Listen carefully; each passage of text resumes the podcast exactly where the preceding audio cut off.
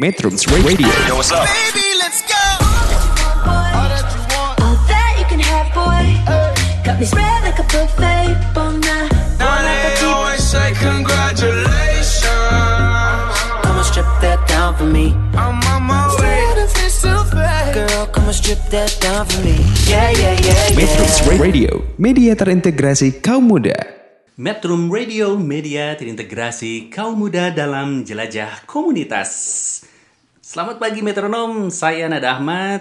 Pagi ini saya akan menemani metronom di kelas komunikasi yang hari ini akan membahas tentang produksi media cetak dan digital. Nah, ini sebagian juga ada yang menyebutnya tentang eh, reka bentuk media atau juga kadang juga ini ada berhubungannya dengan desain komunikasi visual. Baik, nah sebelum kita masuk ke materi tentang produksi media sebenarnya dalam ranah tentunya ini akan dibahas dalam ranah komunikasi ya karena kita bicara tentang kelas komunikasi. Di sini nanti kita akan mengenal apa itu yang namanya perwajahan ya. Jadi dalam em, reka bentuk media, kemudian produksi media di khususnya di bidang pers ya di media massa ini ada orang mengenal namanya perwajahan media. Nah, perwajahan media ini sebenarnya apa sih? E, banyak e, apa namanya orang yang mengatakan kalau perwajahan media itu cuma ya sekedar layout lah, ya sekedar cuma cuma desain grafis mungkin seperti itu. Jadi memang secara sederhana adalah penyusunan unsur-unsur desain berupa garis, bidang, warna ke dalam suatu halaman, kemudian di layout, kemudian dicetak dan dilihat secara visual. Ya itulah memang sederhananya seperti itu. Tapi kalau kita merujuk kepada perspektif komunikasi sebenarnya perwajahan itu tidak hanya sekedar tampil cantik dan artistik ya. Sekali lagi bahwa apa pun karya visual di media massa itu bukan hanya tampil cantik, artistik, menarik bagi para halayak. Kalau misalnya ada media, ada pelanggan, ada pembeli, itu bukan hanya sekadar melihat, wah ini bagus, cantik, menarik, artistik. Tapi ada sesuatu yang lebih dalam, sesuatu yang sebenarnya itulah fungsi utama dari perwajahan. Apa itu? Adanya mutual understanding. Jadi adanya pemahaman makna bersama. Untuk apa itu? Ya agar pesan dapat dicerna secara efektif dan efisien oleh halayak. Nah, sejatinya itulah fungsi tugas perwajahan. Jadi, bagaimana unsur-unsur uh, perwajahan seperti garis, bidang warna, dan lain sebagainya diolah oleh orang-orang perwajahan ya di dalam uh, sebuah perusahaan media misalnya. Dan kemudian pengolahannya itulah yang nanti akan dinikmati oleh pembacanya. Jadi selain tampil cantik, artistik, menarik, juga pesan yang terkandung di dalamnya itu akan sampai kepada halayak. Oke? Nah, eh, kita akan mencoba dalam perencanaan perwajahan ya. Kita akan membahas tentang perencanaan perwajahan dan ya saya ucapkan dulu selamat pagi untuk eh, para mahasiswa Unibi yang sekarang sedang menyimak dalam kuliah e-learning produksi media cetak dan digital hari ini. Eh, Moga-moga tetap semangat ya, tetap tinggal di dalam rumah, jangan ke mana-mana dulu karena kita sekarang sedang dalam kondisi yang lumayan gawat darurat ya.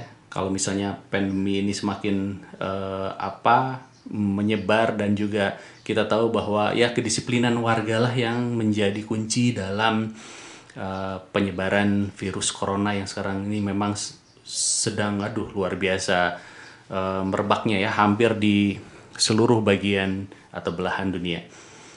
Baik, eh, teman-teman Akang Teteh, mahasiswi, mahasiswa Unibi, eh, kita akan coba bahas tentang perencanaan perwajahan ya, produksi media cetak dan digital, dan kita bicara yang pertama adalah tentang rancang perwajahannya, adalah bagaimana ketika kita akan merancang sebuah media itu kita harus memahami dua eh, apa dua unsur eh, dua bagian maksud saya ya dua bagian dulu. Kita harus tahu tentang dasar perancangannya dan kita juga harus paham tentang unsur-unsur perwajahannya. Ya baik. Dalam rancang perwajahan ini dasar perancangan yang harus kita pahami dulu untuk seorang komunikator visual adalah ilmu tentang estetika ya nah kemudian yang kedua adalah unsur dan prinsip desain. Nah, jadi di dasar perancangan ini kita harus paham dulu tentang estetika, tentang unsur dan prinsip desain. Kemudian juga kita harus paham dan mampu mengenal tentang tipografi, ya, ilmu tentang huruf ya, tipografi. Setelah itu, kita harus memahami item yang lain. Ini tentang unsur perwajahan. Nah, di unsur perwajahan ini sangat banyak ya dari mulai teks ya teks ini nanti di dalamnya ada berita ada tulisan ya kemudian nah ini berkaitan nanti dengan tipografi ya dengan konten teks karena kalau kita baca media tentunya tidak akan lepas dari yang namanya teks ya. Bacaan itu kan informasi itu pasti dalam bentuk teks ya. Dan teks ini adalah dasarnya adalah tipografi kemudian kita juga nanti akan bicara tentang uh, foto. Foto pun macam-macam. Di sana nanti ada foto berita, foto ilustrasi. Kemudian kita akan bicara tentang grafis. Grafis ini macam-macam juga. Ada grafis vektor, grafis berbasis pixel, kemudian ada ilustrasi. Ilustrasi juga ada yang manual yang dikerjakan langsung oleh goresan coretan tangan atau juga ilustrasi yang dibuat dengan menggunakan perangkat komputer atau perangkat bantuan digital lainnya. Kemudian juga dalam grafis ini ada tabel, ada infografik, ada icon, rubrik, ada sketsa, ada olah digital, ada kartun, ada karikatur, ada komik, dan lain sebagainya. Jadi pembahasan tentang grafis pun sebenarnya sangat-sangat luas. Setelah itu nanti kita juga akan bicara dalam unsur perwajiban ini adalah eh, tentang advertising, tentang iklan. Di dalam iklan ini tentunya ada iklan display, ada iklan editorial, ada iklan mini baris, ada iklan kuping, ada iklan jaket, ada iklan selimut, oh macam-macam ya. Zaman sekarang dalam eh, apa dunia periklanan di media juga sangat berkembang ya. Tidak hanya misalnya kalau kita bicara tentang web ya misalnya iklan di web tidak hanya sekarang itu cuma banner gitu ya tapi sudah berkembang menjadi eh, bentuk-bentuk iklan mirip advertorial tapi juga bukan sebenarnya. Jadi ada yang disebut dengan native ad. Jadi seolah-olah itu seperti berita padahal itu adalah iklan. Lo kita ini baca kok kayak ngebagus-bagusin produk ya oh kayak ngebagus-bagusin uh, seseorang ya nah ternyata di dalamnya itu adalah mengandung unsur iklan Oke ya. Nah, ini kita akan bahas satu-satu tentang uh, rancang perwajahan uh, di pagi hari ini. Baik, uh, kita mulai dengan apa dulu ya? Ini estetika ya. Di dasar perancangan yang pertama adalah estetika. Nah, estetika sendiri adalah ini menurut Alexander Gottlieb Baumgarten. Wah, ini tahun 17 hidupnya rentang waktu 1714 sampai dengan 1762 Wah, cukup cukup apa ya cukup lama ini uh, Alexander Gottlieb Baumgarten um, mengatakan tentang estetika ini bahwa menurutnya estetika adalah uh, apa ya uh, sebenarnya ilmu tentang seni ya tentang uh, rasa estetika itu tentang kepekaan rasa tentang tentang mata batin ya sebagai kristalisasi dari kekayaan batin. Jadi penangkapan indera atau sense of perception seseorang terhadap sesuatu yang indah tentunya memiliki bobot yang berbeda. Nah, ini tanggapan atau pengawasan manusia yang berbeda itu. Nah, ini menurut Alexander Gottlieb Baumgarten dipopulerkan dengan dengan nama estetika. Ya. Jadi yang pertama kali meluncurkan nama estetika adalah Alexander Gottlieb Baumgarten yang kemudian berkembang sebagai ilmu yang mempelajari tentang keindahan, cita rasa, seni gitu ya. Pokoknya segala sesuatu tentang seni dan keindahan itu adalah estetika. Nah, bicara tentang estetika sebenarnya tiap orang itu memiliki estetika yang berbeda-beda tentunya ya. Ada yang diturunkan ah, secara secara turunan ini dia memang eh, apa punya estetika yang tinggi ya bisa saja secara genetis dia memang orang tuanya kemudian bisa juga kakek neneknya bisa juga uyutnya bisa juga ke atasnya lagi apa eh, udeg-udeg kait siwur jangga wareng ke atasnya sampai tujuh turunan mungkin saja di antara eh, apa keturunan di apa dari keturunan atasnya itu memiliki darah seni dan jatuhnya ke kita gitu ya. Kita bisa jadi orang tua kita sih nggak nggak ada bakat seni tapi mungkin di atasnya itu ada yang memiliki bakat seni dan itu bisa memperkaya hasanah estetika dalam diri seseorang. Ya jadi estetika itu bisa diturunkan tapi juga estetika itu bisa dipelajari. Ketika seseorang yang tidak memiliki estetika yang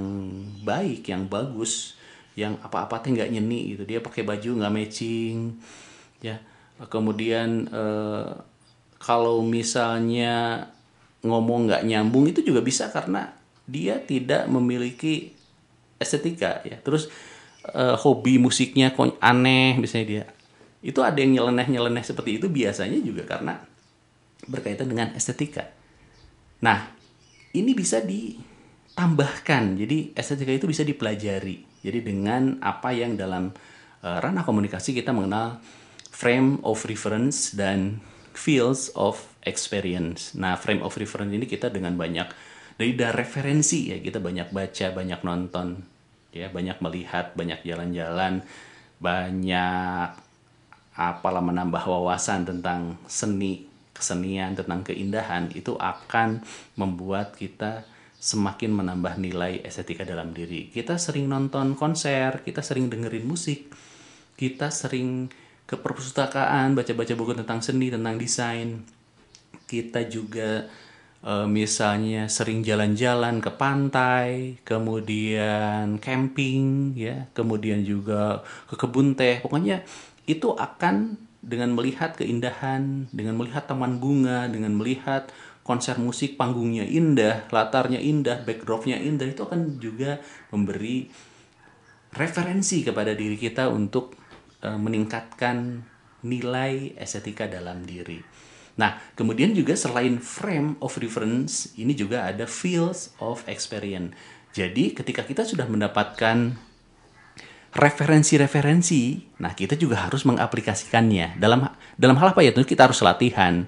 Ya, field of experience itu kita harus melakukan latihan kita kalau kita mau jago gambar itu tentunya kita harus latihan ngegambar gitu ya. Kalau mau jago gambar tapi tidak kita tidak pernah melakukan latihan menggoreskan pensil di atas kertas melakukan pewarnaan melakukan pengecetan gitu. Itu kan harus dilatih kalau kita memang mau tangan kita terampil dalam menggambar ya. Sekali lagi kita eh, sering kali mungkin pernah mengalami ya ketika kita masih kecil, kemudian ada teman kita yang dia tidak pernah ikut apa namanya les menggambar, tidak pernah ikut sanggar, tapi kok ini dia jago ngegambar ya, kok jago mewarnai.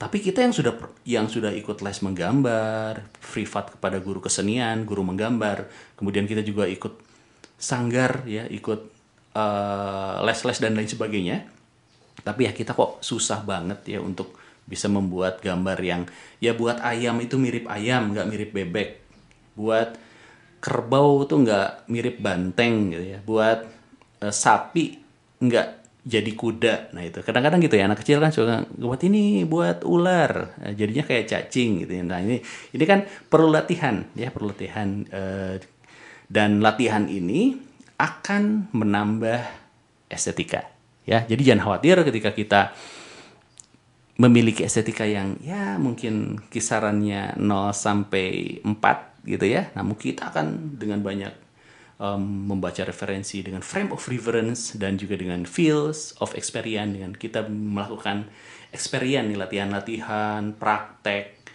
ya dan lain sebagainya itu akan poin kita dari mungkin yang tadinya saya 4 5 bisa jadi 8 9 bahkan 10 ada orang-orang yang kita lihat sebenarnya dia dulu eh, tidak apa ya namanya tidak tidak seperti tidak berbakat atau tidak wah ini anak ini mah mana mungkin sih jadi seniman misalnya. Waktu SD waktu SMP dia ah ini mah nggak mungkin nih anak-anak ini jadi seniman. Tapi belakangan justru si anak ini malah masuk fakultas seni rupa dan desain. Dia menjadi seniman dia menjadi pelukis ya dia menjadi seorang eh, apa namanya eh, orang artistik di media misalnya ya. Padahal dia dulu ah nggak ada bakat nih gitu. Nah itu ternyata apa? Dia dia melakukan experience dia melakukan frame of reference ya dengan eh, nilai estetikanya yang dia rasa aduh ini saya rendah tapi dia ingin meningkatkan dirinya dengan melakukan eh, latihan-latihan. Dia saya cita-cita pingin masuk eh, apa namanya pingin jadi seniman itu bisa. Ya jadi niatkan diri kita untuk terus em, berupaya untuk meningkatkan nilai-nilai estetika dalam diri ya. Oke sekali lagi. Estetika bisa diturunkan tapi juga estetika bisa dipelajari. Nah kemudian yang kedua kita akan pelajari tentang unsur dan prinsip desain ya dalam kerangka rancang perwajahan itu kita akan belajar tentang unsur dan prinsip desain ya ini adalah salah satu kerangka awal ketika kita menyusun eh, rancang sebuah perwajahan yang menarik untuk halayak tapi sebelum kita lanjut di unsur dan prinsip desain kita jeda dulu ya dengan eh, Mbak Wi siap ya. Ya dengan lagu berikut ini dulu Metro Radio media terintegrasi kaum muda dalam jelajah komunitas. Media terintegrasi kaum muda.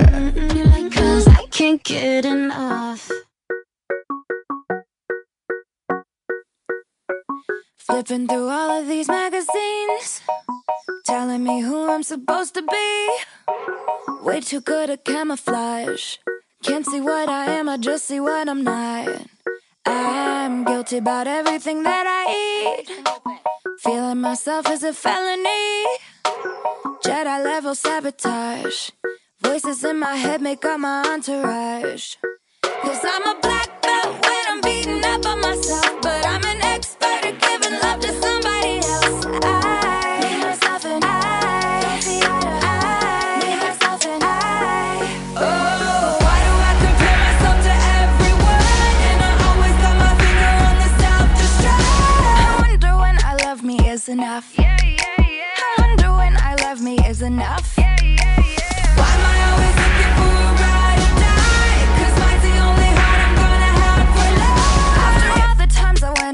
It up.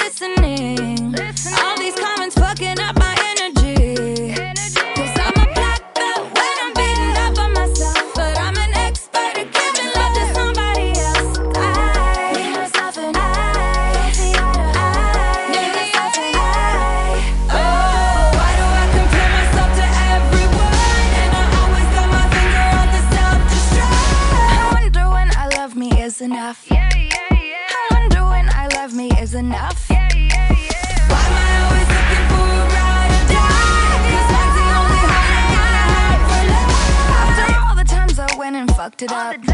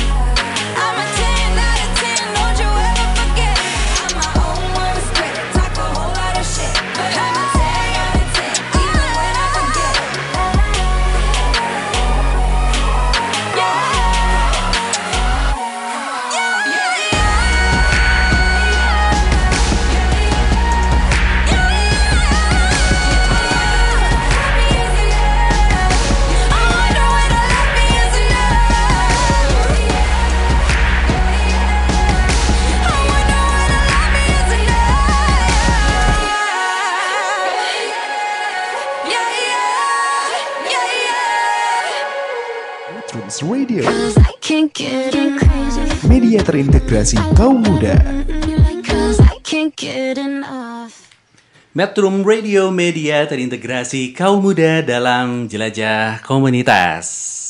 Baik, Selasa 24 Maret 2020 pagi hari ini hingga satu jam ke depan, saya Nada Ahmad akan menemani metronom di kelas komunikasi yang pagi ini membahas tentang produksi media cetak dan digital juga banyak orang yang menyebutnya dengan reka bentuk media atau bahkan ini juga berhubungan dengan mata kuliah desain komunikasi visual. Baik, ini terima kasih kepada mahasiswa, mahasiswa, mahasiswa dan mahasiswi Unibi yang pagi ini sedang menyimak e-learning yang saya berikan.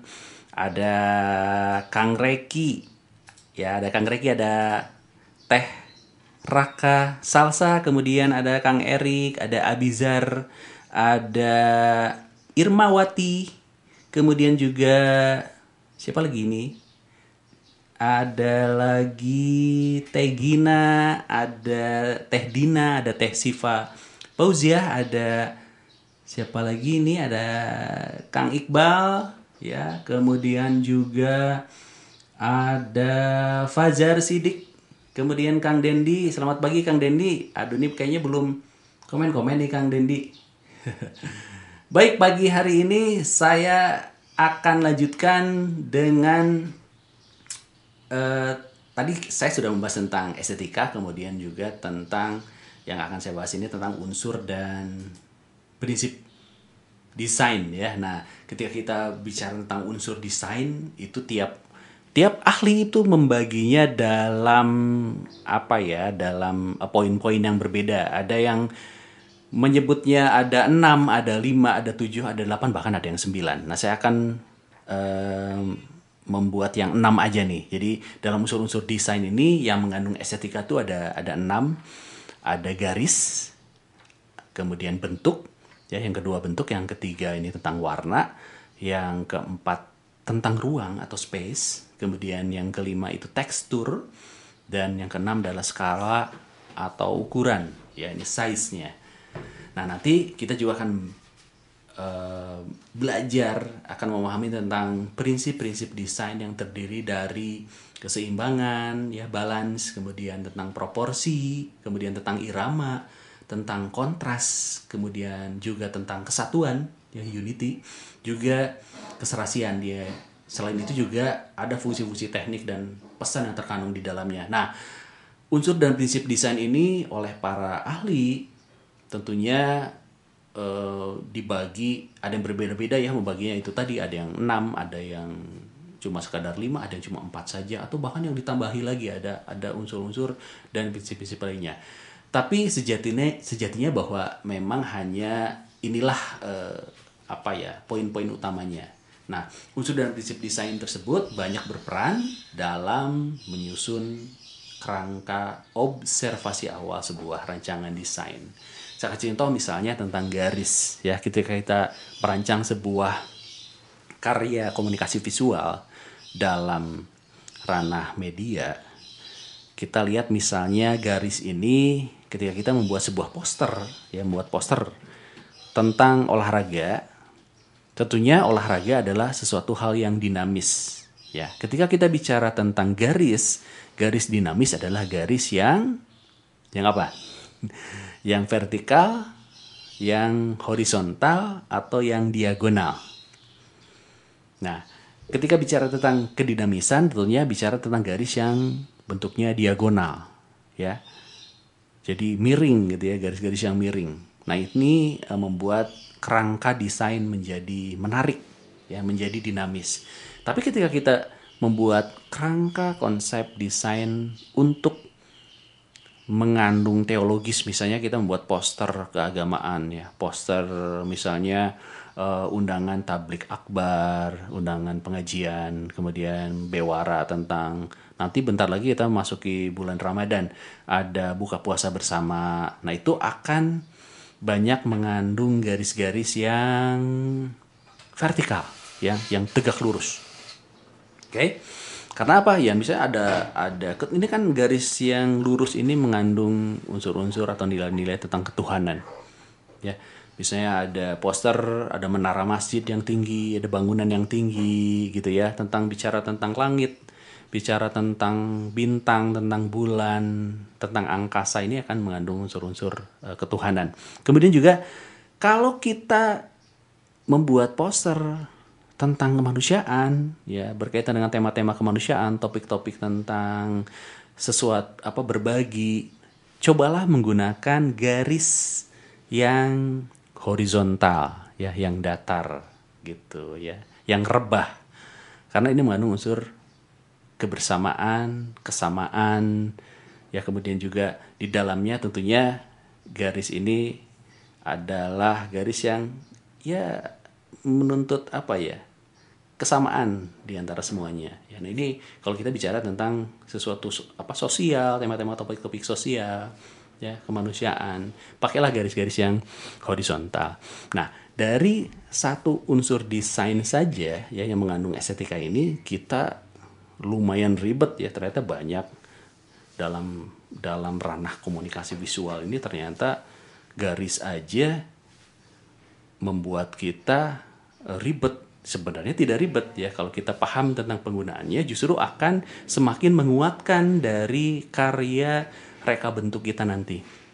Akan menambah daya kejut akan menambah sesuatu nilai tidak hanya tadi sekedar tampil cantik artistik menarik tapi memang nanti pesan-pesan yang ada di dalamnya itu bisa tersampaikan kepada halayak ya. Bisa benar-benar dipahami maknanya oleh halayak ya. Karena fungsi perwajahan tadi fungsi utamanya adalah bagaimana pesan yang terkandung di dalamnya direspon dengan cepat ditangkap oleh mata kemudian masuk ke dalam otak. Dan syukur-syukur nanti berefek terhadap si halayak tersebut gitu ya. Jadi tidak hanya tampil cantik, tampil menarik, tapi bagaimana pesan yang terkandung di dalamnya bisa tersampaikan dengan cepat kepada halayak. Baik, itu hanya baru bicara tentang garis ya. Nanti belum kita bicara tentang bentuk. Bagaimana misalnya ada bentuk segitiga, bentuk eh, oval ya, bentuk lingkaran, kotak ya, trapesium dan lain sebagainya. Jadi kita akan merancang juga harus ada kesinambungan bentuk ya. Kemudian kita bicara masalah warna juga. Nah, warna juga ini sangat berpengaruh terhadap halayak. Dalam kelas komunikasi yang pertama saya pernah menjelaskan tentang bagaimana eh, warna itu bisa eh, apa salah satu faktor yang harus diteliti ketika kita melakukan survei. Kita melakukan observasi apa yang disebut dengan analisis halayak ya. Karena kita tahu bahwa warna itu tentunya akan berhubungan dengan eh, kejiwaan seseorang ya dengan faktor gender akan berhubungan juga dengan usia ya akan berhubungan dengan status sosial mungkin saja ya dengan pekerjaan bisa jadi. Jadi warna juga bisa berkaitan juga dengan faktor-faktor keagamaan. Ya tentunya sangat berkait ya.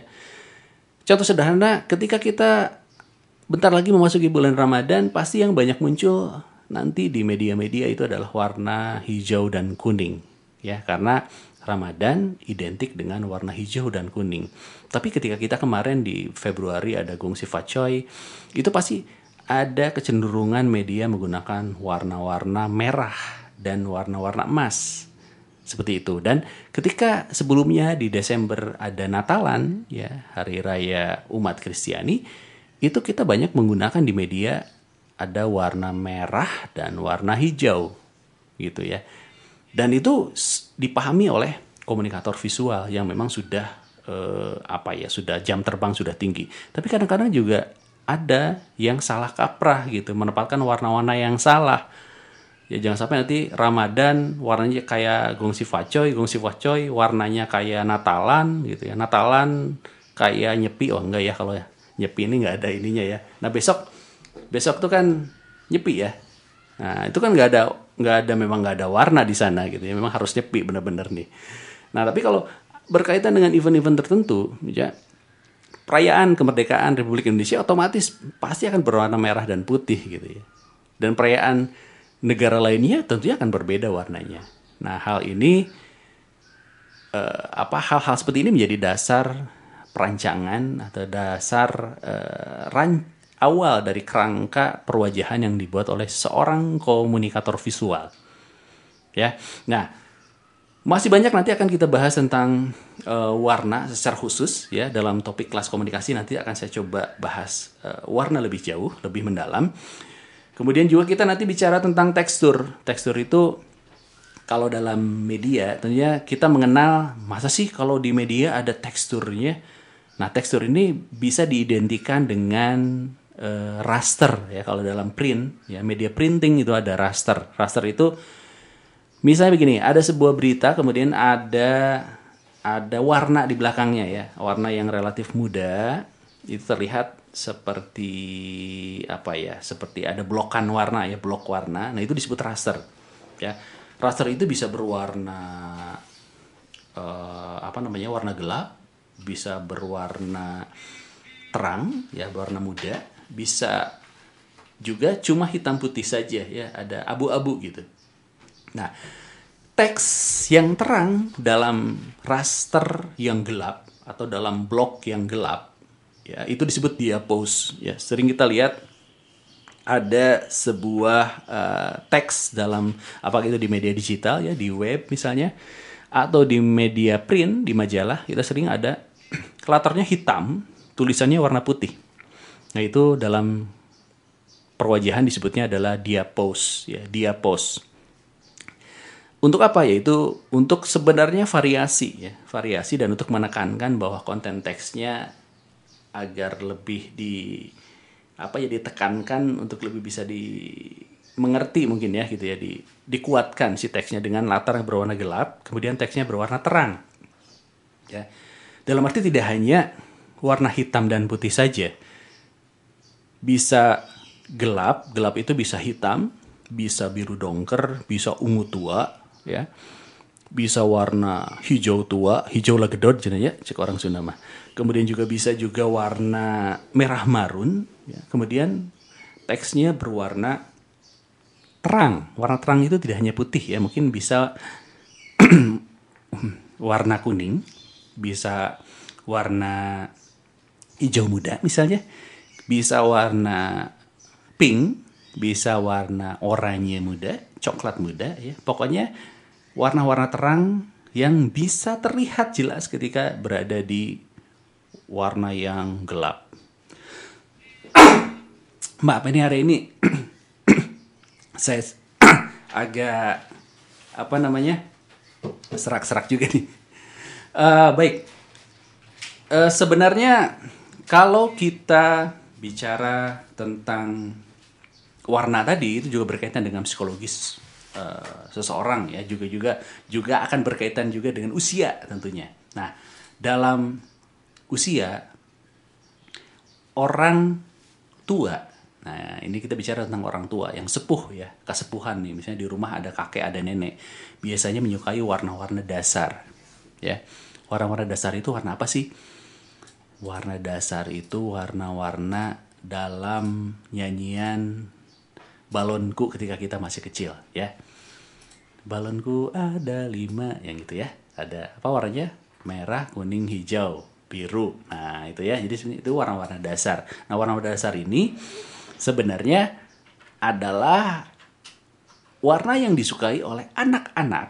Nah ini ya anak-anak. Anak-anak ini dalam arti anak-anak usia eh, mungkin usianya kisaran PAUD sampai kelas 1 ya kelas 1 SD lah. Jadi sampai usia berapa ya? Satu SD sekarang apa? 6 tahun ya. Nah, dari usia balita sampai 6 tahun itu menyukai warna-warna dasar.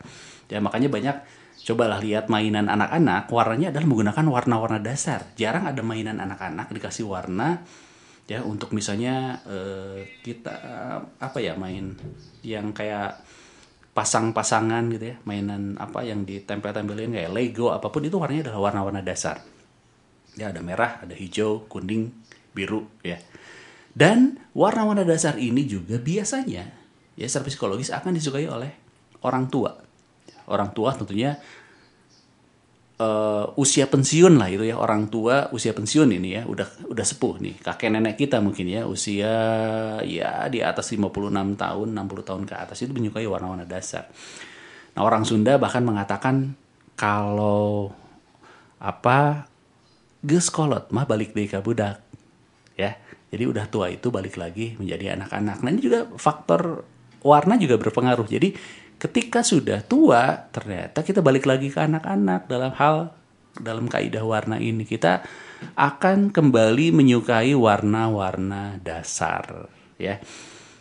Kalau misalnya ketika kita kecil dulu kita menyukai warna dasar tapi kalau udah masuk usia SMP biasanya kita ogah pakai warna-warna yang dasar. Kalau SMP mulai menggunakan warna-warna pastel ya, warna-warna yang terang gitu ya. Kemudian masuk usia remaja dewasa anak-anak SMA ya. Warnanya juga akan berbeda dengan anak-anak SMP. Dia ketika SMP PD menggunakan warna-warna spotlight di bajunya misalnya ya, bajunya warna hijau spotlight, kuning spotlight. Kalau SMA dia agak malu menggunakan itu. Warnanya agak redup sedikit. Dan semakin dewasa lagi ya, sebagai remaja dewasa usia kuliahan nih ya udah mulai eh, masuk eh, remaja apa nih ya kalau kuliah nih. remaja tua. Jadi kalau sudah kuliah jus- justru akan semakin minimalis dalam penggunaan warna. Anak-anak kuliahan laki-laki sering sering kali menggunakan warna-warna yang netral ya misalnya warna hitam, warna abu-abu, warna coklat, warna biru. Ya biru birunya juga biasanya bukan biru terang ya, tapi birunya lebih ke biru dongker, biru yang agak gelap.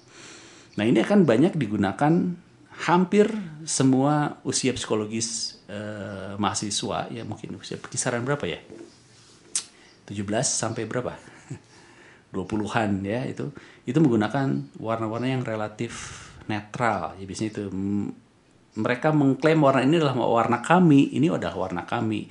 Kami adalah remaja dewasa gitu. Kami tidak lagi menggunakan warna-warna yang terang. Makanya jarang saya menemukan eh, di perkuliahan ada mahasiswa yang warnanya genjreng pakai bajunya gitu ya. Walaupun ada beberapa gitu yang pengen terlihat nyeni dia pakai warna-warna yang genjreng yang berani. Tapi itu jarang ditemukan. Kalaupun ada yang menggunakan itu ya itu benar-benar itu secara psikologis dia beranian. Dia anak yang memang pede banget gitu ya. Baik kemudian setelah eh, kita bicara tentang warna kita masuk de- dalam eh, prinsip-prinsip desain ya. Prinsip desain kita bicara tentang keseimbangan. Yang paling gampang ketika kita merancang adalah keseimbangan ya. Ibaratnya keseimbangan itu apa sih? Ya namanya seimbang berarti harus ya harus balance ya kiri kanan jangan sampai berat sebelah gitu. Nah dalam merancang misalnya sederhana lah poster ya. Poster ketika dikasih image ya dikasih image ada gambar di sana ada foto. Nah dalam kerangka poster itu jangan sampai foto itu menumpuk di satu sisi. Jangan sampai foto itu menjadi berat ke bawah berat ke atas berat ke samping gitu ya. Jadi harus diimbangi dengan kalaupun ada yang berat gitu harus diimbangi dengan adanya bantuan font, ada bantuan raster, ada bantuan warna di bagian yang lainnya. Ya, jadi kita ada titik pusat penyeimbang. Misalnya kita tusuk di tengah-tengah di poster itu kalau kita tusuk nah si poster itu bergerak ke kiri ke kanan ke kiri ke kanan gitu ya. Jangan sampai oh terlalu condong ke kiri atau terlalu condong ke kanan. Atau terlalu berat ke atas terlalu berat ke bawah. Buatlah faktor yang membuat si poster itu jadi balance jadi seimbang. Oke Baik, sebelum kita lanjut lagi, eh, apa? Oke, ini tuh ada yang request ya. Ah, si- siapa aja nih, Mbak Wi? Ada di mana? itu aja siapa siapa? Dendi? Dendi. Oh, Dendi, Dendi, Dendi request lagu. Oke, oke, oke. Nanti eh, akan saya putarkan ya. Dan oke, sebelum eh, kita lanjut, kita jeda dulu dengan lagu dari siapa ya? Yang- Mawar. Oh iya, Mawar Jong ya dari eh, request dari Dendi. Oke, Metro Radio Media terintegrasi kaum muda dalam jelajah komunitas. Media terintegrasi kaum muda.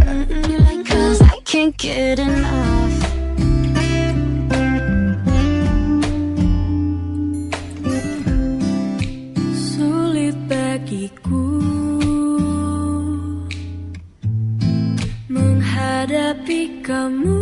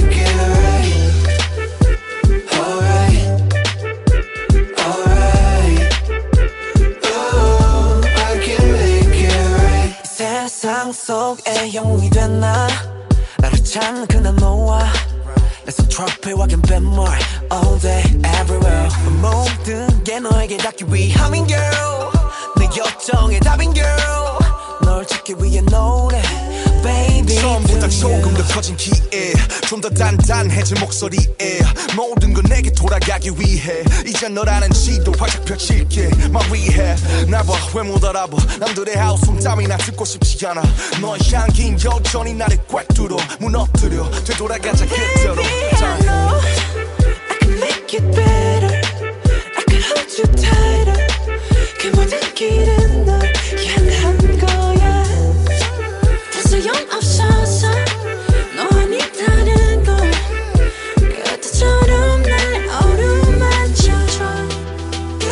보이지 않던 영원의 밤 내게 아침을 선물한 건 너야. 이제 그저 내가 잡아도 될까? Oh, I can make it right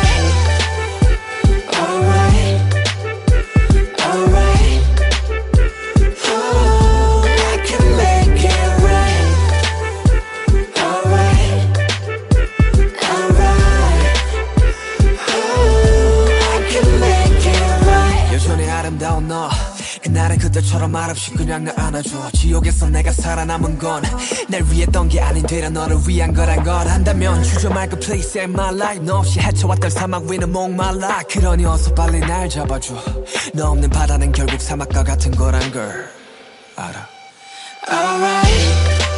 I can make it better. I can hold you tighter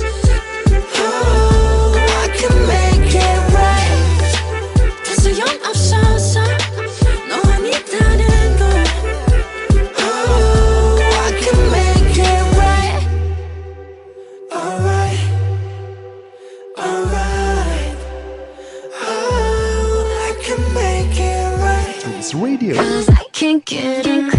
media terintegrasi kaum muda. Metrum Radio Media terintegrasi kaum muda dalam jelajah komunitas. Masih bersama Nada Ahmad di kelas komunikasi yang pagi ini membahas tentang produksi media. Nah, produksi media ini juga banyak disebut sebagai reka bentuk media Atau sebagian juga sebenarnya terkait dengan desain komunikasi visual. Baik, bagi metronom, ya terima kasih yang mendengarkan Metrum Radio lewat web ya di www.metrum.co.id. Terima kasih juga yang sedang menyimak di Radio Garden atau di radioonline.co.id atau melalui aplikasi Replayo atau juga mungkin me- melalui aplikasi Radio Dar. Juga jangan lupa kepoin media sosial Metrum untuk mendapatkan informasi program acara seru di Metro Medio di Instagram, fanpage, Facebook, dan Pinterest dengan nama @metrum.co.id. Twitternya di @metrumkoit. Nah, untuk eh, metronom yang ingin berinteraksi dengan saya atau mau bertanya atau juga mau sekadar request lagu, halah, atau kirim-kirim salam. Nah, ini bisa ke WA-nya Metrum di 0856 212 1029. Sekali lagi 0856 212 1029. Nah, tadi saya sudah putarkan lagu request dari Kang Dendi. Nah, Kang Dendi mahasiswa Unibi ini minta lagu Mawar de Jong. Ya, udah ya tadi ya. Eh, egoku ya. Eh, Kang Dendi kirim-kirim salam untuk rekan-rekan yang lagi di rumah aja. Ya, jangan dulu keluyuran katanya. Jangan keluar rumah dulu. Eh, sama, aku juga mau menyampaikan semangat Wah, untuk untuk saya terima kasih Dendi juga untuk eh, Pak Yana Mulyana ya wakil wali kota Bandung yang harus ya dengan aktivitasnya dan akhirnya harus terinfeksi positif virus corona COVID-19 ini. Ya semangat terus untuk Pak Yana eh, cepat sembuh ya. Kita doakan semua apa kita doakan bersama-sama untuk Bapak Wakil Wali Kota kita, Bapak Yana Mulyana agar segera diangkat penyakitnya ya menjadi sehat kembali, jag jaguar ringkas kembali bisa beraktivitas seperti sedia kala. Kemudian juga ada siapa ini dari Fories Muhammad Iqbal. Nah, ini juga mahasiswa Unibi. Ini kirim salam buat Muhammad Jainal yang rumahnya di Sindang Laya untuk segera membayar hutang. Nah, loh, bayar hutang apa ini? Baik, Fories, nanti itu silakan diselesaikan secara pribadi ya. Baik untuk metronom yang ingin ber- berinteraksi dengan saya, silakan bisa kirim-kirim eh, requestnya di 0856 212 1029. Kemudian juga tadi ini ada apa ini ada ada pertanyaan juga sudah masuk. Nah, jadi silakan dari materi yang telah saya sampaikan eh, metronom khususnya untuk mahasiswa Unibi buat pertanyaan ya silakan buat pertanyaan di grup di, di grup ini yang sudah memberikan pertanyaan. Di antaranya adalah Kang Erik Cahyadi ya. Apa bedanya desain grafis dan desain komunikasi visual? Ya baik nanti nanti saya akan bahas ya. Eh, kita lanjut dulu ya di unsur dan prinsip desain. Tadi kita bicara tentang apa? Keseimbangan. Bicara tentang selanjutnya bicara tentang proporsi saja ya. Proporsi itu tentunya kalau kita membuat sebuah gambar, ngebuat ilustrasi, proporsi itu menjadi penting. Ya, misalnya kita membuat gambar seorang ayah dan anaknya. Kita harus tahu tentang proporsinya, bagaimana anatomi seorang ayah dan anatomi seorang anak. Misalnya kita bicara tentang seorang ayah yang mengantar, membuat ilustrasi seorang ayah yang mengantar anaknya ke sekolah. Anak ini masih SD kelas 1 atau kelas 2. Proporsi badannya kan pasti berbeda ya. Orang tua seperti apa? Pembagian ruas-ruas tubuhnya, kepala, badan, kaki. Orang tua tentunya akan berbeda dengan anak-anak ya. Anak-anak mungkin tingginya juga baru sepinggang ayahnya ya, baru sepinggang ayahnya. Proporsinya tentu akan berbeda juga. Nah, ini kita harus paham tentang proporsi dalam kerangka desain secara keseluruhan. Ilustrasi saja kita harus paham tentang anatomi tubuh ini. Jangan sampai nanti seorang kita disuruh ngegambar nih sama redaktur perwajahan, kita seorang desainer grafis dan ilustrator di sebuah media. Tolong gambarin, ini ada cerita nggak ada fotonya, tolong buat ilustrasi dong. Seorang ayah mengantar anaknya ke sekolah. Anaknya SD kelas 1, oke dibuat gambar. Ternyata proporsinya justru anaknya tinggi besar, ya. Sama tingginya dengan apa namanya orang tuanya dengan ayahnya. Ya ini sebenarnya tidak tidak bisa dipungkiri zaman sekarang ada ya anak yang baru SD tapi badannya tinggi besar. Tapi secara por- proporsi juga pasti akan berbeda ya antara anak-anak eh, yang usia SD kelas 1 sampai kelas mungkin yang kelas 3 dengan orang dewasa. Dalam ruas-ruas tulangnya dalam pembagian eh, ruas-ruas badannya sampai ke perut ya sampai ke pinggang kakinya panjangnya seperti apa itu akan berbeda. Ya kita harus paham dulu anatomi tubuh itu ketika kita akan merancang eh, sebuah ilustrasi misalnya ya.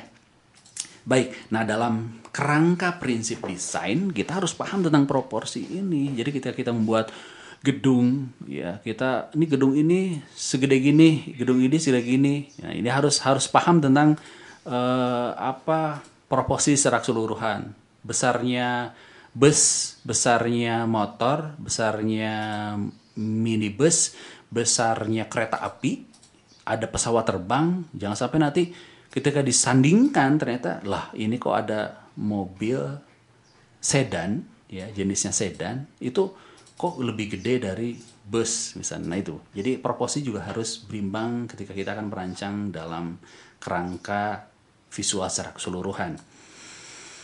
Baik kita eh, sudah belajar sedikit tentang kita membahas sedikit tentang unsur dan bisnis desain nanti kita tentunya akan membahas lebih jauh ketika kita nanti di kelas ya. Ini kita dalam e-learning ini saya membahas sedikit-sedikit saja. Saya bahas uh, beberapa poin saja. Nanti kita akan bahas lebih jauh ketika nanti kita semoga uh, wabah virus corona ini bisa segera diatasi dan kita nanti akan ketemu lagi di kelas. Baik. Kemudian dalam apa Tadi saya membahas tentang dasar perancangan ya. Dalam perancang perwajahan ada dua item yang harus kita pahami. Yang pertama adalah dasar perancangan, yang kedua adalah unsur perwajahan ya. Nah, saya tadi sudah di dasar perancangan ini sudah membahas tentang estetika dan juga sedikit membahas tentang unsur dan prinsip desain. Dan nah, kita akan lanjut. Nah, ini kelihatannya ini akan menjadi sesi nggak terasa ya. Ini baru sebentar tapi waktu sudah menunjukkan pukul 10. nah, ini kita akan membahas tentang ilmu tipografi ya. Nah, ilmu tipografi ini apa sih? Yang disebut dengan tipografi. Ini pertama kali eh, yang menyatakan tipografi ini salah satu teori ya, salah satu teori dikatakan menurut Roy Brewer ini tahun 71. Nah, dapat memiliki pengertian luas yang meliputi penataan dan pola halaman atau setiap barang cetak. Ya karena zaman dulu 71 belum belum berkembang dunia digital jadi masih berupa print ya. Atau dalam pengertian lebih sempit hanya meliputi pemilihan penataan dan berbagai hal bertalian pengaturan baris-baris susun huruf atau typeset ya. Tidak termasuk ilustrasi dan unsur-unsur lain bukan susun huruf pada halaman bidang visual. Itu menurut Roy Brewer tahun 71 tipografi itu intinya adalah seni cetak dengan menggunakan huruf ya jadi apa pun tentang ilmu berkaitan dengan huruf itulah yang disebut dengan tipografi. Dan tadi Roy Brewer mengatakan tentang pengaturan baris-baris susun huruf atau typeset. Typeset ini begini sejarahnya ya. Jadi kalau zaman dulu namanya tipografi itu satu set satu set gitu ya. Jadi dari timah atau logam panas. Jadi ada bisa gini, ada Times New Roman. Satu susun huruf Times New Roman ini terdiri atas typeset dari logam-logam.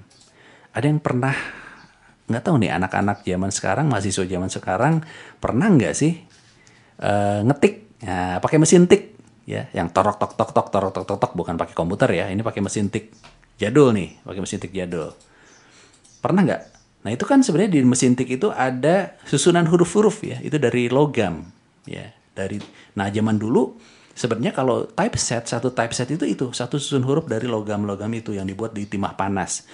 Jadi bayangkan kalau dulu ya, ini misalnya ada tulisan tipografi, ada T Y P O G R A F I itu disusun satu-satu ya hurufnya disusun satu-satu pakai timah panas gitu. Bayangin satu halaman saja cangkel itu ya nyusun hurufnya itu.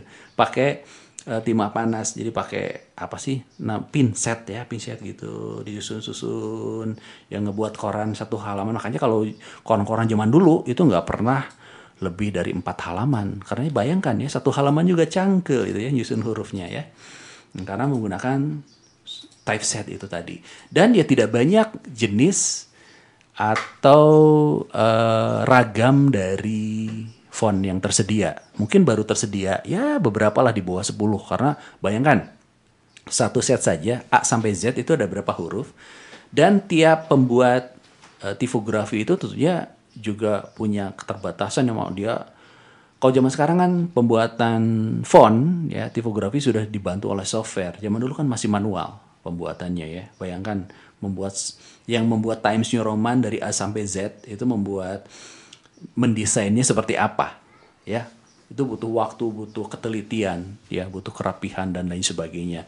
Kalau sekarang ada uh, para desainer ya lulusan dari ya mungkin sekolah-sekolah tinggi seni akhirnya bergerak sebagai desainer tipografi. Ya tapi mereka sekarang sudah tidak manual kan membuat uh, uh, huruf itu sudah dibantu juga dengan kemudahannya oleh software-software uh, desain grafis ya software-software grafis yang memudahkan dalam pembuatan tipografi nah baik. Ketika kita bicara tentang tipografi juga kita bicara tentang kepribadian dari tipografi tersebut. Nah tipografi ini memberi halaman sebuah kepribadian tertentu. Jadi kita bisa membuat sebuah halaman menjadi formal atau informal, menjadi modern atau klasik, ramai atau tenang. Tapi bisa juga kita membuat feeling secara keseluruhan. Media ini jadi padat, terbuka, ringan atau dramatik. Kita membuat ingin membuat halaman menjadi lebih terbuka, berarti kita juga memakai font-font tertentu. Kita membuat halaman terlihat padat, kita bisa menggunakan font-font tertentu bagaimana metronom nanti ketika memiliki sekian banyak typeface yang tersedia untuk memproyeksikan citra yang diinginkan dan untuk memberi publikasi kita memiliki sebuah kepribadian yang berbeda ya. Karena tentunya setiap orang ingin memiliki ciri khas dalam karya-karya publikasinya ya dalam karya-karya media yang dia buat. Oh ini media web anu pakai fontnya anu. Jadi orang sudah terngiang dalam benaknya. Oh ya kalau saya membuka web misalnya kumparan, membuka detik.com ya. Bukan detik anak unibi ini ya. detik.com. Kemudian juga ada uh, misalnya buka pikiran rakyat.com. Itu ada font-font yang identik dengan web tersebut. Ketika kita membaca harian Kompas, membicara, membaca Republika, membaca pikiran rakyat, membaca uh, seputar Indonesia, Sindo, misalnya kita uh, lihat ada font-font spesial yang mereka gunakan. Dan itu menjadi kepribadian uh, dari media-media tersebut ya, di ciri khas jadi media-media tersebut. Dan ciri khas itulah yang membuat orang terngiang-ngiang ya dalam benaknya bahwa oke okay, saya sudah identik. Misalnya kalau pikiran rakyat saya identik dengan bodoni ya satu huruf yang cukup uh, legend ini ya huruf bodoni ini huruf all style ya berjenis bergenre serif. Nah, ini apa lagi ini yang namanya serif gitu. Serif tuh kayak koboi ya di zaman di zaman koboi itu ada serif, ada penjahat menewakan penjahat ya serif ya. Nah, bukan berkaitan dengan itu ya, dengan kriminalitas, dengan kepolisian dan penjahat. Nah, serif ini adalah satu jenis kumpulan huruf ya. Nah, dalam tipografi uh, nanti saya, saya akan bahas ya tentang uh, pengelompokan font yang terbagi atas serif, sans serif dan script. Tapi kita akan bahas dulu logotype. Ya, logotype ini dalam realisasinya banyak digunakan sebagai elemen desain. Apa sih logotype teh? Ya, banyak orang yang eh, bingung. Apa sih logotype? Ya, logo huruf. Nah, ya logo huruf itu sebenarnya sebuah logo yang dibuat dari huruf. Nah, namanya juga logo type ya, sebuah logo yang dibuat dari huruf. Ya. Tentunya dalam desain grafis ya, dalam rancang perwajahan itu tidak akan bisa lepas dari yang namanya tipografi. Ya, bayangkan sok, kalau misalnya poster, company profile, iklan majalah, kulit muka buku, cover buku, koran, itu nggak ada hurufnya gambar semua nggak mungkin kan? Itu berarti bukan bukan sebagai media bacaan ya. Media visualnya media pameran aja mungkin pameran foto di dalamnya pameran grafis tanpa ada huruf. Bahkan kadang-kadang yang namanya foto pun harus diterangkan dengan tipografi di bawahnya ada captionnya ya ada keterangannya ya ya kan bisa ada foto kalau ada foto juga tetap ada judul fotonya, ada keterangannya, ada pemotretnya, tetap ada tipografi di dalamnya. Jadi yang namanya tipografi itu dalam realisasinya banyak digunakan sebagai elemen desain. Oke? Okay? Nah, juga kadang tipografi ini bisa berdiri sendiri tanpa dibantu oleh gambar. Ya, seperti yang umum kita kenal dengan namanya logo ya atau logo type ya atau lambang identitas khas. Kita sering melihat uh, dalam keseharian ya. Ada mahasiswa zaman sekarang lah keren-keren ya pakai jaket pakai baju pakai jaket. Ada tulisannya Adidas uh, Nike ya. Kemudian apa lagi lah gitu ya Puma misalnya gitu. Itu kan sebuah logo yang dibuat dari tipografi dari huruf. Ya jadi logo type adalah sebuah logo yang dibuat dari tipografi tapi logo ini sebenarnya ada dua ya. Biasanya kalau logo itu ada dua jenis. Ada logo type-nya ada juga logo ikonnya ya. Saya kasih contoh misalnya kalau apa Puma ya. Puma itu ada tulisannya Puma dengan tipografi tertentu ya. Kemudian juga ada ada macan ya. Di sana ada macan ada siluet macan kumbang. Nah itu ya kayak Puma. Jadi ada tulisannya Puma dan ada juga logo ikonnya ya berupa uh, macan hitam. Kemudian juga kita bicara tentang uh, Nike mungkin ya. Nike ada tulisannya Nike. Nah, Nike itu orang udah udah paham bahwa ini adalah Nike ya, merek terkenal ya, eh, yang mendunia ya tanpa harus diembel-embeli oleh eh, apa namanya logo ikonnya ya logo ikonnya yang kayak curug gitu ya. Curug gitu ya. Nah ini curug ini sebenarnya tanpa tulisan Nike-nya itu tanpa tulisan Nike-nya ini juga bisa berdiri sendiri. Nah dalam hal ini ketika logo itu yang terdiri tadi atas logo icon dan logo type ya ketika logo icon dan logo type bisa berdiri sendiri ya tanpa saling melengkapi berarti logo itu juga udah bagus udah bagus ya udah dikenal. Ya logo yang berhasil itu adalah logo yang ketika logo icon dan logo type-nya dipisah orang sudah paham bahwa itu tetap Nike itu tetap Adidas itu tetap Puma. Jadi ketika Puma muncul si macan kumbangnya orang tahu oh ini Puma nih. Nah, tapi kalaupun si macan kumbangnya nggak muncul ya cuma tulisannya Puma aja si logo type khasnya itu ya orang udah tahu itu adalah logo dari Puma. Sama seperti Nike ketika nggak muncul si curaknya itu juga orang tahu tapi tanpa tulisan Nike alah Nike Ardila tanpa tulisan Nike tetap eh, apa namanya si curaknya itu melambangkan logo dari Nike Oke ya, jadi sebuah logo yang berhasil adalah ketika logo type dan logo ikonnya dipisah, tetap orang bisa paham bahwa itu adalah identitas khas dari sebuah produk tertentu. Ya, baik. Eh s- sepertinya kita akan satu sesi lagi terakhir, tapi sebelum apa ya? Sebelum sesi terakhir ini, ini ada yang request nih dari siapa ini yang requestnya? Ada band Hah? Ada band? dari Asep Kamal. Oh, Kang Asep Kamal, mama, Kang Asep Kamal nih. Kang Asep Kamal eh, requestnya Ada band.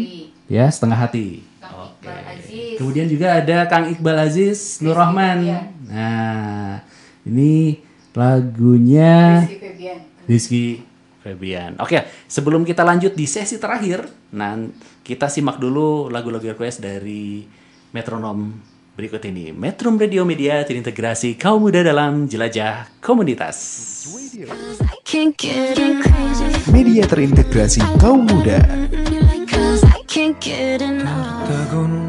Memandangmu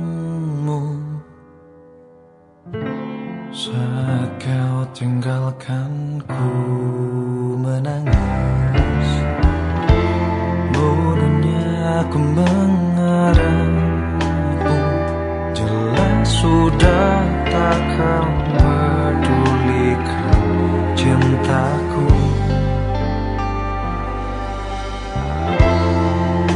Mestinya tak ku sadari Betapa perih cinta tanpa balasmu.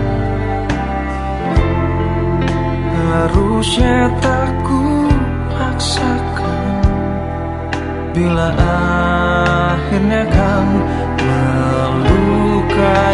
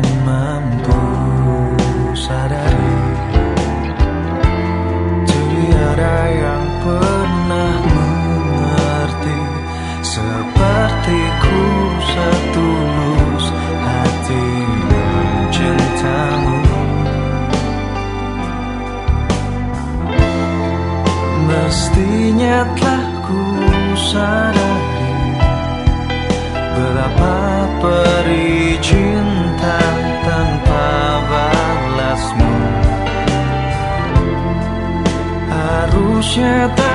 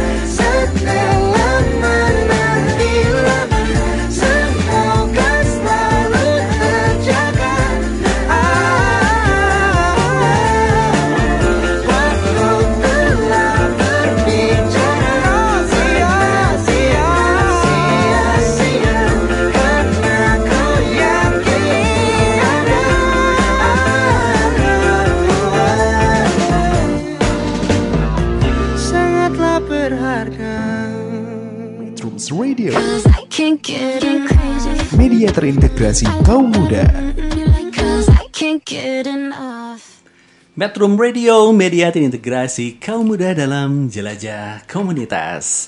Masih bersama Nada Ahmad di kelas komunikasi yang pagi hari ini membahas tentang produksi media cetak dan digital. Orang juga banyak menyebutnya sebagai reka bentuk media atau juga ini sangat berkaitan dengan mata kuliah desain komunikasi visual. Baik, tidak terasa kita sudah memasuki pukul 10 pagi lewat 26 menit di studio Metrum Radio di Jati Handap, Bandung. Nah, di sesi yang terakhir ini, di kelas komunikasi siang ini kita membahas tentang tipografi ya. Nah, tadi saya sudah sedikit menerangkan tentang logotype ya. Logotype jadi sebuah logo yang terbentuk dari tipografi. Ya, ada juga logo icon. Jadi logo image yang menjadi bagian dari sebuah logo. Oke? Nah, kalau kita bicara tentang typeface yang tadi saya pernah di awal di sesi sebelumnya saya ten- sebutkan tentang bagaimana si typeface itu dari logam-logam ya kalau yang pernah belajar pernah mengenal atau pernah melakukan aktivitas pengetikan pakai mesin tik ya mesin tik manual itu kan ada logam-logam sebenarnya ya. Jadi huruf itu timbul setelah si logam itu mengenai tinta pita ya ke kertas. Tek tek tek ya. Makanya ada bunyi tik tik tik. Itu kan dari eh, apa namanya si logam ini mengenai tinta dan menghujam ke atas kertas sehingga timbullah huruf ya di atas kertas tersebut. Nah, ini typeface adalah keseluruhan keluarga huruf-huruf dari sebuah rancangan tertentu. Nah, menurut sejarahnya face adalah permukaan keping metal ya, keping logam yang menerima tinta dan mengadakan kontak dengan permukaan percetakan. Ya, apakah itu kertas, apakah itu kain, ya. Eh, kemudian eh, ada ribuan face yang tersedia untuk produksi desktop publishing untuk saat ini, ya. Pada akhir tahun 2000-an angka tersebut akan menjadi ratusan ribu. Mungkin hari ini huruf yang ada di dunia sudah jutaan kali ya. Karena sekarang kan banyak desainer tipografi, banyak orang-orang yang selalu mungkin tiap hari terbentuk tipografi baru, terbentuk font baru. Kalau metronom coba browsing di internet ya, coba googling misalnya huruf-huruf tertentu, huruf-huruf baru itu selalu muncul gitu ya huruf-huruf yang unik, huruf-huruf yang menarik, huruf-huruf yang mengandung kejiwaan tertentu.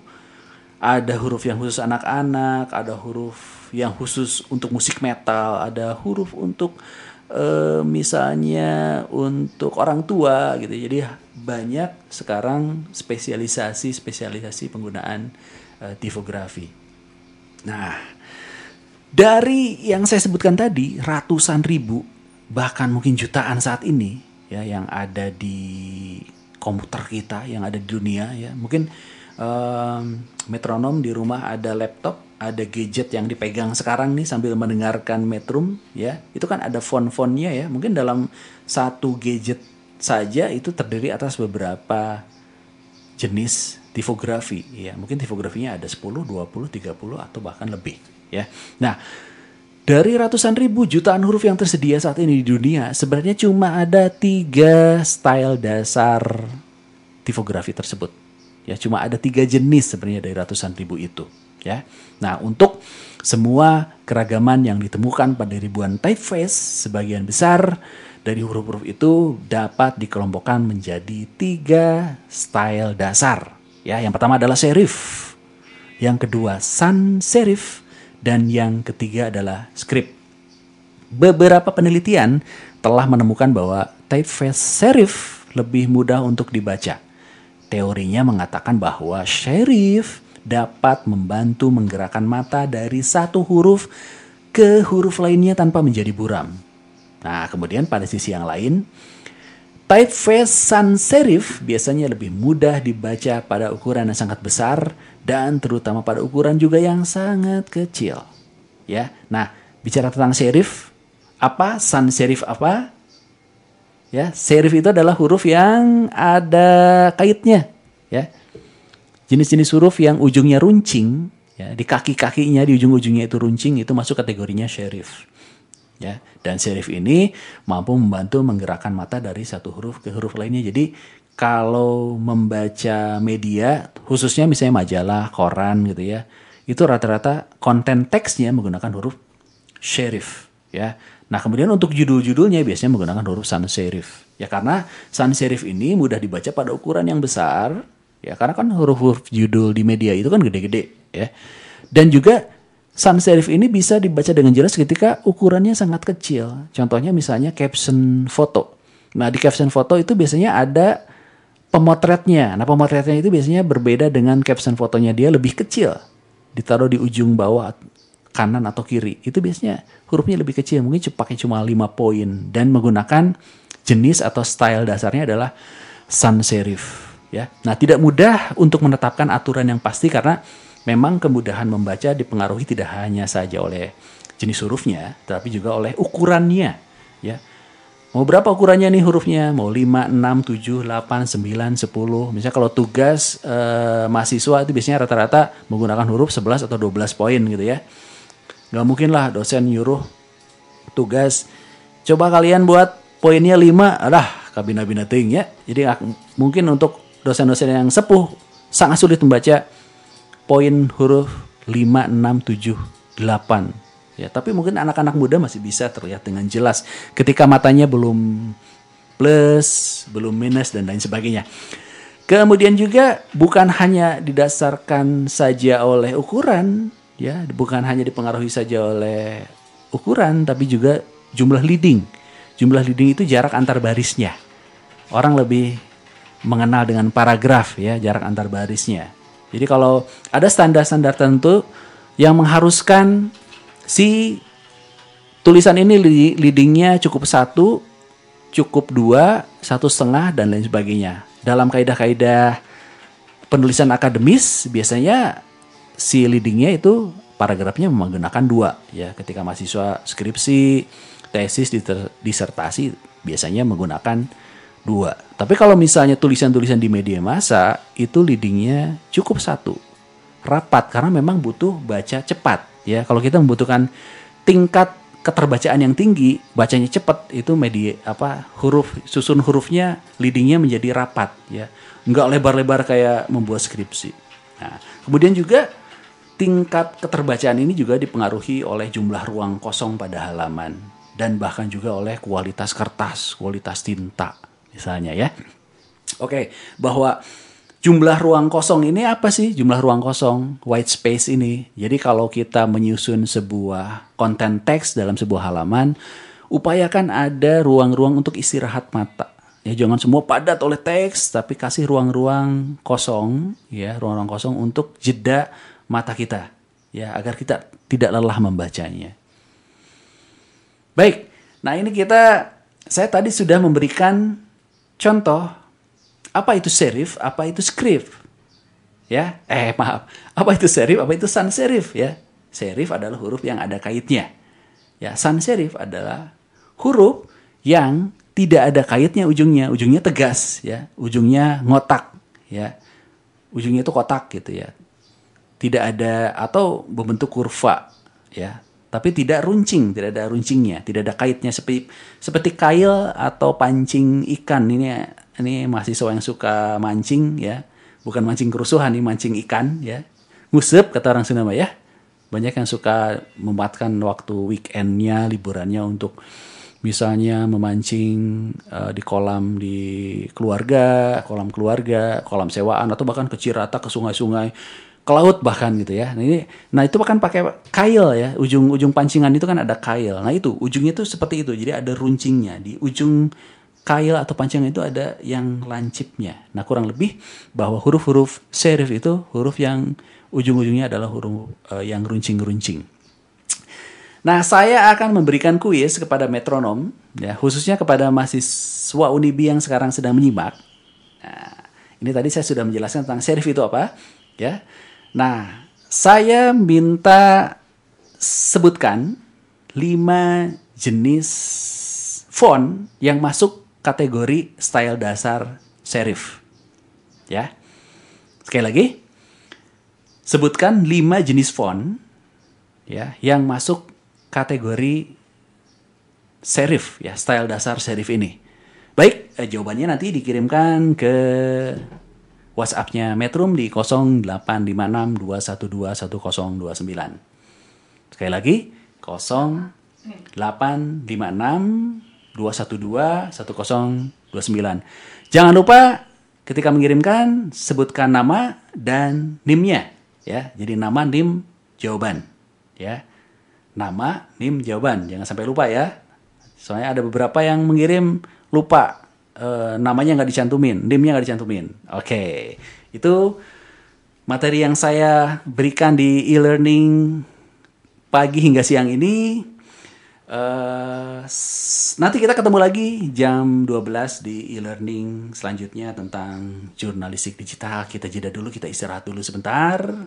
Kemudian sebentarnya ada kayaknya ada yang request lagi. Nah, saya bacakan dulu ya. Siapa ini ya?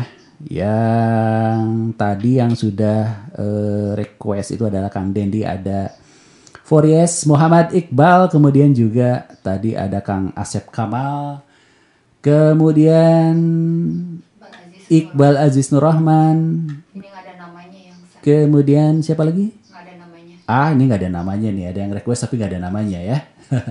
Sekali lagi, kalau itu sebutkan nama dulu ya. Ada nama namanya, kemudian ya kalau request lagu eh, metronom dari daerah mana nih tinggalnya di mana cukup seperti itu saja. Kalau request lagu tidak perlu nim ya kayak kayak ngasih kuis atau tugas ya.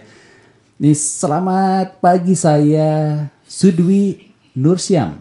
Ya, re- request lagunya Kunto Aji topik semalam. Oke, nanti eh, akan diputarkan ya. Kemudian juga eh siapa nih?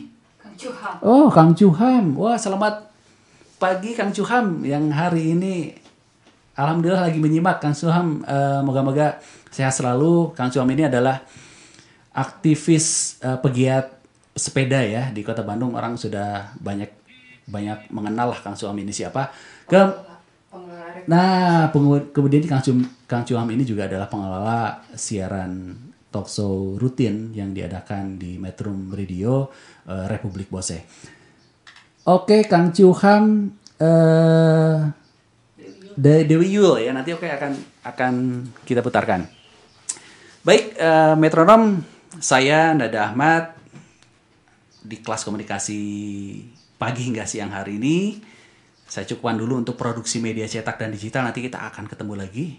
Halo mahasiswa mahasiswa Unibi, nanti kita ketemu lagi ya jam 12 di Jurnalistik Digital. Saya cukupkan untuk eh, materi learning tentang produksi media cetak dan digital yang ini sangat mungkin di beberapa kampus namanya bukan produksi media tapi reka bentuk media atau bahkan ada di kampus lain yang juga menamakannya dengan desain komunikasi visual. Baik, saya Nada Ahmad undur diri. Sampai ketemu lagi nanti jam 12 di kelas komunikasi selanjutnya tentang jurnalistik digital. Metrum Radio Media terintegrasi kaum muda dalam jelajah komunitas. Metrums Radio.